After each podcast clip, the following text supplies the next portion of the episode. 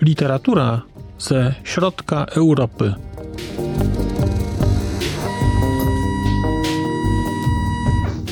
Podcast około książkowy. Dzień dobry. Przed mikrofonem Marcin Piotrowski. Witam Państwa po raz kolejny. Podcast Literatura ze środka Europy. W dzisiejszym odcinku chciałem opowiedzieć Państwu o bardzo wyjątkowej książce, a mianowicie o dziennikach Wiktora Worszylskiego. To jest rzecz, no, nie bójmy się tego określenia, monumentalna, no bo o trzech tomach, które mają łącznie jakieś około 2,5 tysiąca stron, nie można powiedzieć chyba inaczej. Dzienniki Woroszylskiego czytałem w wydaniu Ośrodka Karta. Te dzienniki ukazały się w roku 2017 i są to trzy tomy. Dlatego, że dzienniki Wiktora Woroszylskiego obejmują okres od roku 1953 właściwie do śmierci pisarza, poety w roku 1996. Mamy więc tutaj dzienniki, które pokazują pół wieku funkcjonowania Polski Ludowej, ale przede wszystkim prawie pół wieku życia w tej Polsce Ludowej bardzo wrażliwej osoby. Te dzienniki to jest niesamowita rzecz na poziomie edytorskim także, dlatego że to, co po Wiktorze Woroszylskim pozostało, te wszystkie jego zapiski, nie są tutaj przeniesione jeden do jeden. Ogromną pracę wykonała pani Agnieszka Dębska jako redaktor tych dzienników. I o tej pracy, mam nadzieję, będziecie Państwo mieli okazję wkrótce posłuchać, dlatego że przygotujemy z panią Agnieszką taką rozmowę, gdzie będziemy rozmawiać trochę o Wiktorze Woroszylskim, ale także przede wszystkim o tych dziennikach, a właściwie o obrazie pisarza poprzez te dzienniki, a także o pracy no, redaktora, redakcji, pracy przy czymś tak wielkim. Natomiast powiedzmy tylko tyle, co jest zresztą bardzo jasno na początku tej książki zaznaczone, że całość dzienników obejmuje chyba 13 tysięcy stron. Tutaj jest chyba 4 tysiące, więc tak naprawdę jest to dosyć mocno okrojone.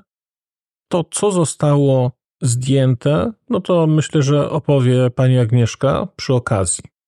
Natomiast no, kiedy czytałem tę książkę, to miałem wrażenie ogromnej pracy, która się tu musiała dokonać na poziomie redakcji, na poziomie przypisów, wyjaśnień, do czego za chwilę przejdę. Lekturę tych dzienników otwiera tekst Andrzeja Friszke zatytułowany Wiktor Woroszylski Polityka i literatura.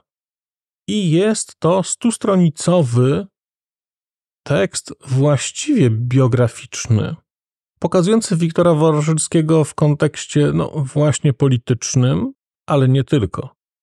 Natomiast te wszystkie jego główne okresy działalności są tutaj bardzo dobrze pokazane i bardzo ułatwia to późniejszą lekturę, bo mniej więcej wiadomo, czego się spodziewać, jeżeli Państwo się wcześniej życiem Wiktora Woroszylskiego jakoś nie interesowali. Natomiast tom trzeci zamyka tekst pani Beaty Pawletko, zatytułowany Zworoszylskim przez lata. I to jest tekst już bardzo skupiony na rzeczach, które pisał, bo to jest tekst będący rodzajem podsumowania, przeglądu jego twórczości. Tutaj nie ma już wątków politycznych, są jakoś minimalnie zaznaczone, to jest spojrzenie na to, co Woroszylski po sobie zostawił, na poezję, na prozę. Pomiędzy tym wszystkim rozciąga się spektrum zapisów Wiktora Woroszylskiego. Decyzją redakcji te dzienniki zostały wydane w trzech tomach.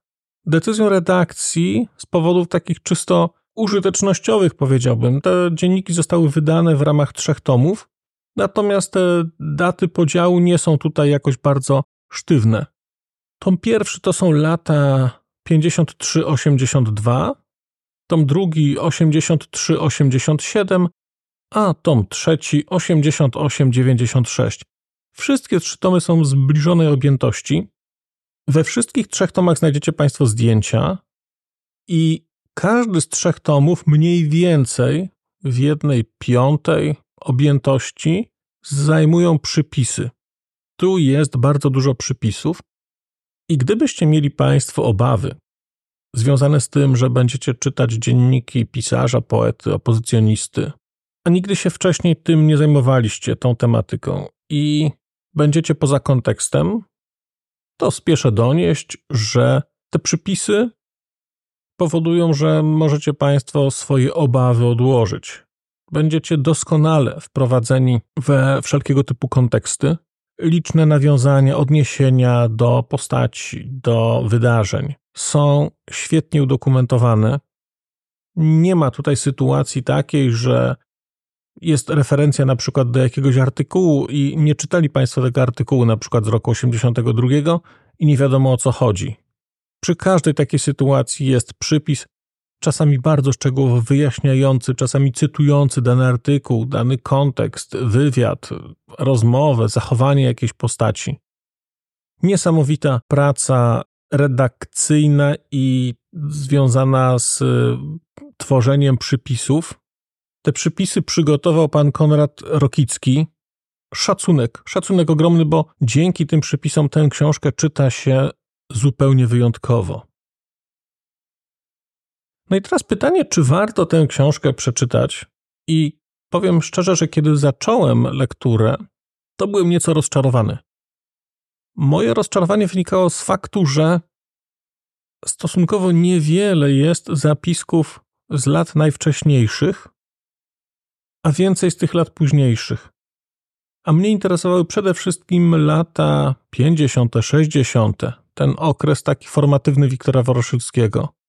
Okres bycia pryszczatym.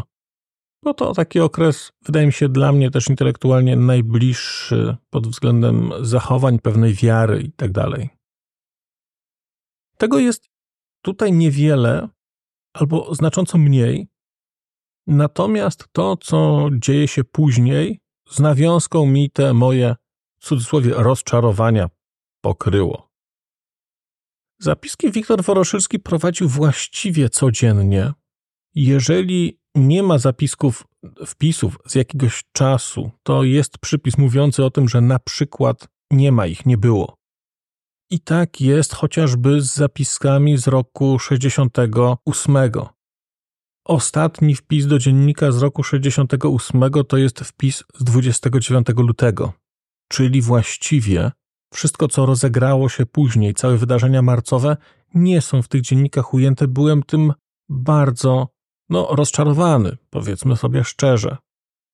Dlatego, że rok 67 jest tu pokazany w sposób przerażająco znakomity, i dopiero czytając te dzienniki, uświadomiłem sobie skalę tej nienawiści, która się antysemickiej nagonki, która się w Polsce pojawiła, która została stworzona.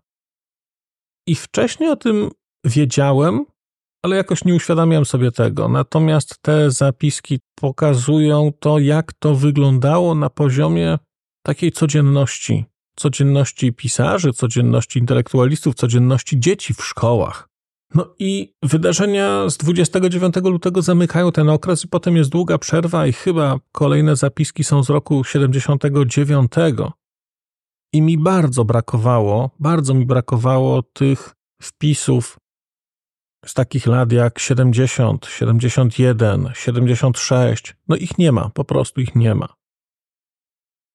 Zapiski z roku 79 są już zapiskami opozycjonisty, bo zapisy z lat 60.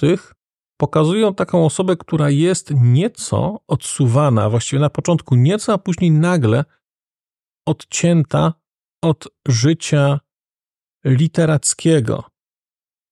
I teraz co się wydarzyło? No, Wiktor Woroszylski trafił na indeks. I na czym polegało trafienie na indeks, to zaraz Państwu przeczytam, dlatego że jest na ten temat specjalny wpis. W tomie trzecim jest zapis z 31 sierpnia 1995 roku i tam Wiktor Woroszylski pisze tak. Wróciłem do przerwanej lektury marcowej kultury. Marty Fik i natrafiłem na dokument KC PZPR z 1968 roku, zatytułowany Plan działania w ZLP, a w nim innymi czarno na białym to, czego realizację doskonale znam, ale ujęte w oficjalnym piśmie partyjnym robi wrażenie. Uściślić listę pisarzy, wobec których zastosowane zostaną restrykcje i ustalić rodzaj tych restrykcji. Niewydawanie, niezapraszanie na spotkania, odmowa wyjazdu za granicę, przeciwdziałanie reklamy, nieprzyznawanie stypendiów. Bezzwłocznie zastosować sankcje wobec P. Jasienicy, S. Kisielewskiego, J. Bocheńskiego, J. Grzęcińskiego, A. Kijowskiego, L. Kołakowskiego, J. Andrzejewskiego, W. Woroszylskiego, A. Międzyrzeckiego, W. Odojewskiego. Nazwiska Andrzejewskiego i Odojewskiego to pisane odręcznie przygotowanie i przekazanie odpowiednich dyrektyw redakcjom, wydawnictwom, cenzurze, terenowym organizacjom partyjnym. Dokonanie odpowiednich korekt w planie wydawniczym. Ten wpis to jest udokumentowanie tego, co stało się z Wiktorem Woroszylskim od drugiej połowy lat 60., kiedy został radykalnie odcięty od życia literackiego, kiedy zostały wstrzymane nawet jego książki dla dzieci, kiedy de facto pisarz umiera śmiercią przez zapomnienie. Jego wybory wierszy nie są wydawane i jego przekłady nie są publikowane. Jeżeli są publikowane, to pod jakimiś cudzymi nazwiskami. I te wszystkie rzeczy oczywiście pojawiają się w dziennikach, i tam widzimy, jak to działa, Natomiast w tym roku 95 widzimy, dlaczego to zadziałało. Widzimy, jak wyglądała taka kara ze strony partii. Kara za to, że akolita stracił wiarę. A wiarę stracił w roku 1956, kiedy pojechał na Węgry i w trakcie tej węgierskiej rewolucji pisał dziennik węgierski. Materiał o tym dzienniku znajdą Państwo u mnie jest nagrany i zresztą dziennik węgierski, później powieść wydana za granicą literatura, to są dwa teksty, które zainteresowały mnie postacią Wiktora Woroszylskiego.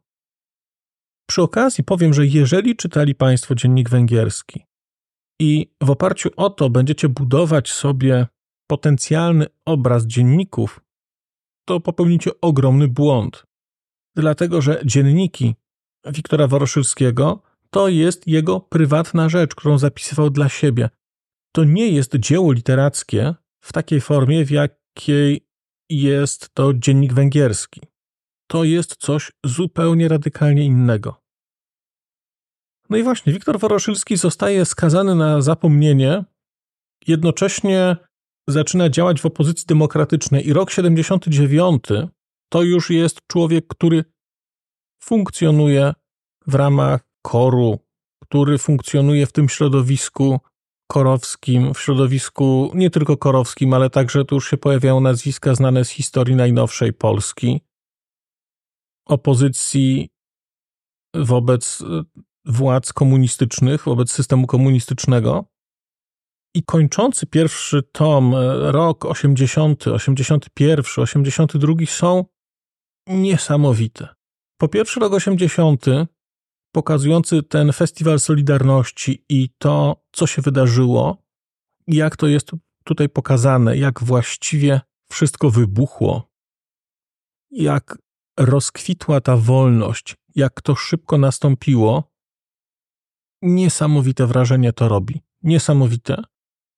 Ja zresztą czytałem tę książkę w momencie, kiedy następowało nazwijmy to, przekazywanie władzy po ostatnich wyborach w roku 2023 i ta książka była niesamowicie aktualna, kiedy widziało się ten system, który się trzyma. Ja miałem poczucie jakiejś zawieszenia pomiędzy rzeczywistością upadającego reżimu jednego, trochę odchodzącego takiego quasi reżimu drugiego.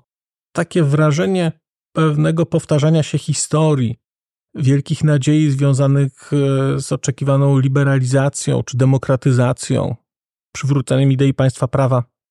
Bardzo też to było dla mnie takie osadzone w kontekście osobistym. No i jest rok 80 i jest festiwal wolności, a potem przychodzi rok 81, który Wiktor Woroszylski w większości spędza za granicą na stypendium w Berlinie Zachodnim. I wraca do Polski 11 listopada chyba, albo 10 listopada 81 roku. No i po miesiącu zostaje wprowadzony stan wojenny i Wiktor Woroszylski jest jedną z osób, które zostają internowane. I rok 82 to jest właściwie dziennik z okresu internowania. I to jest niesamowite świadectwo intelektualne przeżywania poczucia z jednej strony zamknięcia, ograniczenia wolności, z drugiej strony niesamowitego rozwoju i pogłębiania jakichś odczuć patriotycznych, rozumienia wolności. Przyznam, że kiedy myślałem do tej pory o stanie wojennym, nigdy jakoś nie zastanawiałem się nad tym, jak wyglądało życie w tych ośrodkach internowania.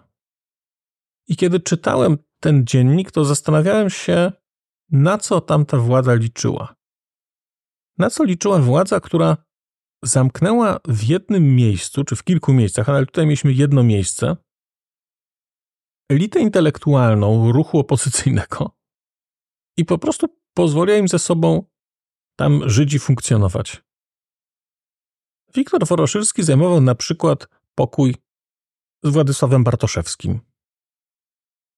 Tam był jeszcze, siedział Piotr Wierzbicki, tam siedział Stefan Niesiołowski, Bronisław Geremek. Tam siedziała cała elita, w tym miejscu, w innym siedziała in, inna część elity, natomiast ci ludzie siedzieli i właściwie nie mieli nic innego do roboty, to też rozmawiali. Zapisy tych rozmów z roku 82 to jest intelektualna uczta. Dlatego, że ci ludzie organizowali sobie seminaria. Rozmawiali na temat Rosji, rozmawiali na temat wolności, rozmawiali na temat zdrady. I ci ludzie, elita intelektualna Polski, siedziała razem i po prostu sobie rozmawiała. I te wszystkie rzeczy są w tej książce zawarte. Końcówka pierwszego tomu, czyli okres internowania Woroszylskiego, a Woroszylski siedział długo, proszę Państwa, bo on został wypuszczony, zwolniony właściwie prawie po roku dopiero. Czyli jako literat, jako osoba, która włada tylko piórem, która jest niewydawana, siedział bardzo, bardzo długo. No i właściwie wyszedł trochę z powodów zdrowotnych, tam po różnego typu naciskach i tak dalej. Ale dłużej siedzieli tylko ci tacy już, powiedziałbym, najtwardsi opozycjoniści. No i teraz przechodzimy sobie do tych opozycjonistów, dlatego że te dzienniki to jest niesamowita rzecz, bo poznajemy tutaj od strony zupełnie innej, od strony codzienności obcowania, takie osoby jak e, Jacek Kuroń, jak Adam Michnik, Władysław Bartoszewski, zresztą one się tutaj pojawiają, w, inaczej nazywane, no bo jest tutaj, to są przyjaciele, więc jest tutaj Markusz, jest tutaj Konwa. Kim jest Konwa, to się Państwo mogą domyśleć. Jest Adaść, jest Bronek, jest Marek Edelman, który bardzo regularnie się tutaj pojawia. Jest Leszek Kołakowski, który bardzo regularnie się tutaj pojawia. No, kogoż tu nie ma? Tu jest cała opozycja PRL-owska, jest Leszek Moczulski, jest Piotr Wierzbicki. Później pojawia się dosyć często Zbigniew Herbert, no są tutaj wszyscy, których Państwo znaliście z historii polskiej literatury, no to oni tutaj są. Z historii Polski najnowszej także, politycy. Kiedy jeszcze nie byli politykami. No i nie będę streszczał oczywiście wszystkich tomów. Powiedziałbym tylko, że taką dominantą tomu pierwszego jest rewolucja Solidarności i stan wojenny. Dominantą tomu drugiego, który kończy się w roku 87, tu jest właściwie dominantą historia wokół, ja bym powiedział, wokół hańby domowej Jacka Trznadla i pokazane też jest bardzo konkretnie życie w PRL-u pisarza. Tu jest pokazane też całe operacje służby bezpieczeństwa, czyli tego, że ktoś na przykład jechał pociągiem na spotkanie autorskie w jakiejś parafii gdzieś, na przykład pociąg został zatrzymany albo ktoś wyciągnął kogoś na jakiejś stacji, przetrzymał 4 godziny, potem puszczał. Różnego typu gierki, podsłuchy, rewizje. To jest tutaj pokazane bez nienawiści. To jest niesamowite. Tu pokazane jest to bez nienawiści, pokazane jest opisane pięknym językiem, ale jednocześnie widzimy, jak działał ten aparat represji wobec już wtedy 50-letniego literata, poety. Więc to tu też Państwo znajdziecie. No i jest tom trzeci. Tom trzeci, gdzie widzimy przygotowania do okrągłego stołu, te wszystkie takie rozmowy, które do tego okrągłego stołu doprowadziły. Później okrągły stół, wybory, Wolna Polska, gdzie Wiktor Woroszylski też jest jakąś stroną, dlatego że widzimy tutaj konflikt Wałęsa-Mazowiecki. W ogóle postać Tadeusza Mazowieckiego jest tutaj bardzo regularnie e, się e, pojawia. Tak samo Jacka Kuronia. Kuroń zresztą mieszkał bardzo blisko Woroszylskiego, oni się przyjaźnili. Poznajemy tutaj tych e, polityków, w szczególności Jacka Kuronia, zupełnie, zupełnie nieznanych, zupełnie inaczej widzimy ich. No i są końcowe lata, kiedy Woroszylski zaczyna z powrotem funkcjonować bardzo wyraźnie, już bardzo mocno jako poeta, jako tłumacz, jako osoba działająca na rzecz dialogu polsko-rosyjskiego. No i końcowe lata, czyli odejście. Książka jest niesamowita. Właściwie nie mogłem się od niej oderwać. To jest tak, że ta, ta książka pochłania bo jest po pierwsze wyjątkowo napisana, a po drugie dotyczy bardzo też wyjątkowych czasów, a po trzecie, czytając tę książkę, zobaczycie Państwo, jak nie zmienia się polska mentalność. Zobaczycie Państwo, ja przynajmniej byłem w stanie zobaczyć, bo pamiętam te czasy, lata 90., te wszystkie konflikty, które się odgrywały wokół Lecha Wałęsy, wokół Tadeusza Mazowieckiego, później przejęcia władzy przez SLD. Te wszystkie rzeczy tutaj są. Na tym tyle są pokazani pisarze, są pokazani poeci, są pokazani filmowcy. Fantastyczna, fantastyczna historia. Historia człowieka, który zaczął od takiego radykalnego wsparcia komunizmu do opozycjonisty, historia człowieka, który pochodził z rodziny żydowskiej, a jednocześnie był bardzo krytyczny wobec takiego, nazwijmy to, naiwnego filosemityzmu.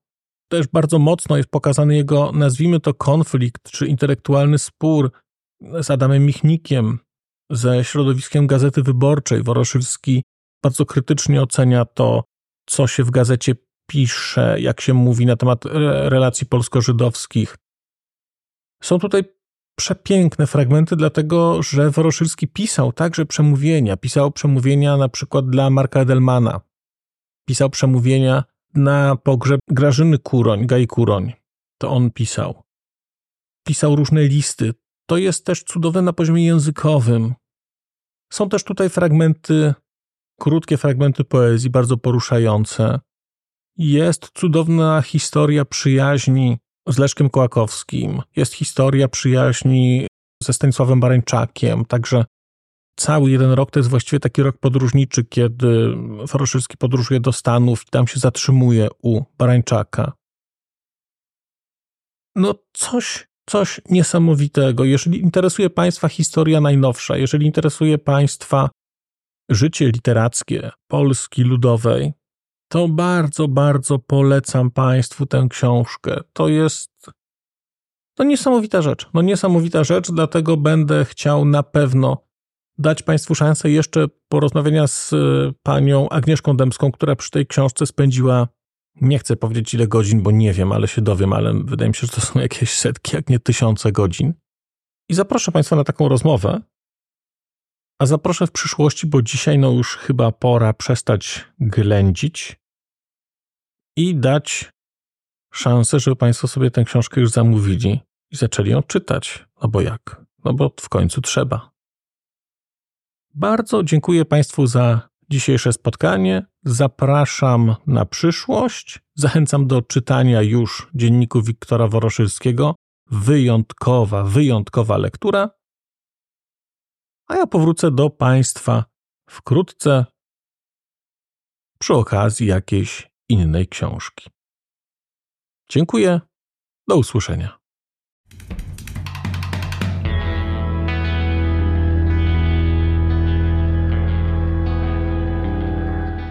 Bardzo dziękuję Państwu za wysłuchanie tego odcinka, bo skoro jesteście w tym momencie, to znaczy, że wysłuchaliście go do samego końca.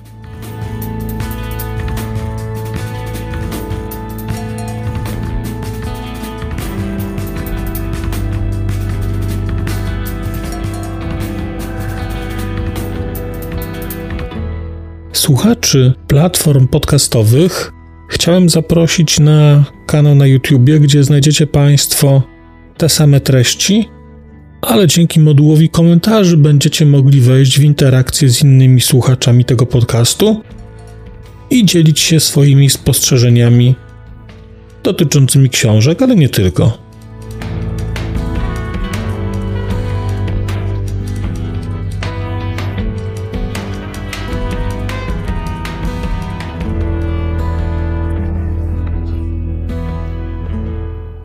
Oprawa muzyczna tego odcinka została zrealizowana na bazie muzyki słowackiego zespołu Longital.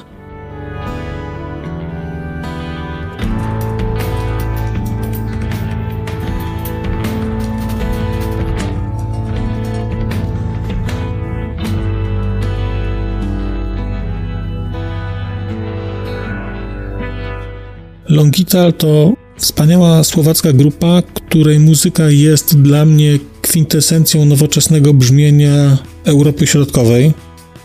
Bardzo Państwa zachęcam do posłuchania tego zespołu i chciałem podziękować Shinie i Danielowi, że zgodzili się na wykorzystanie ich muzyki w moim podcaście.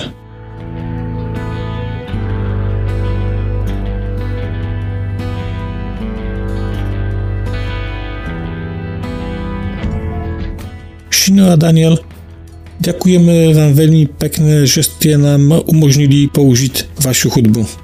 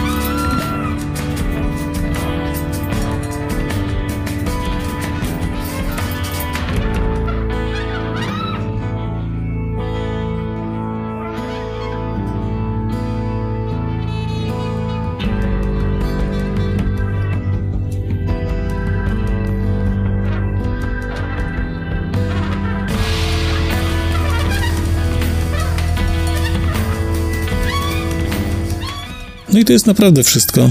Dziękuję i do usłyszenia.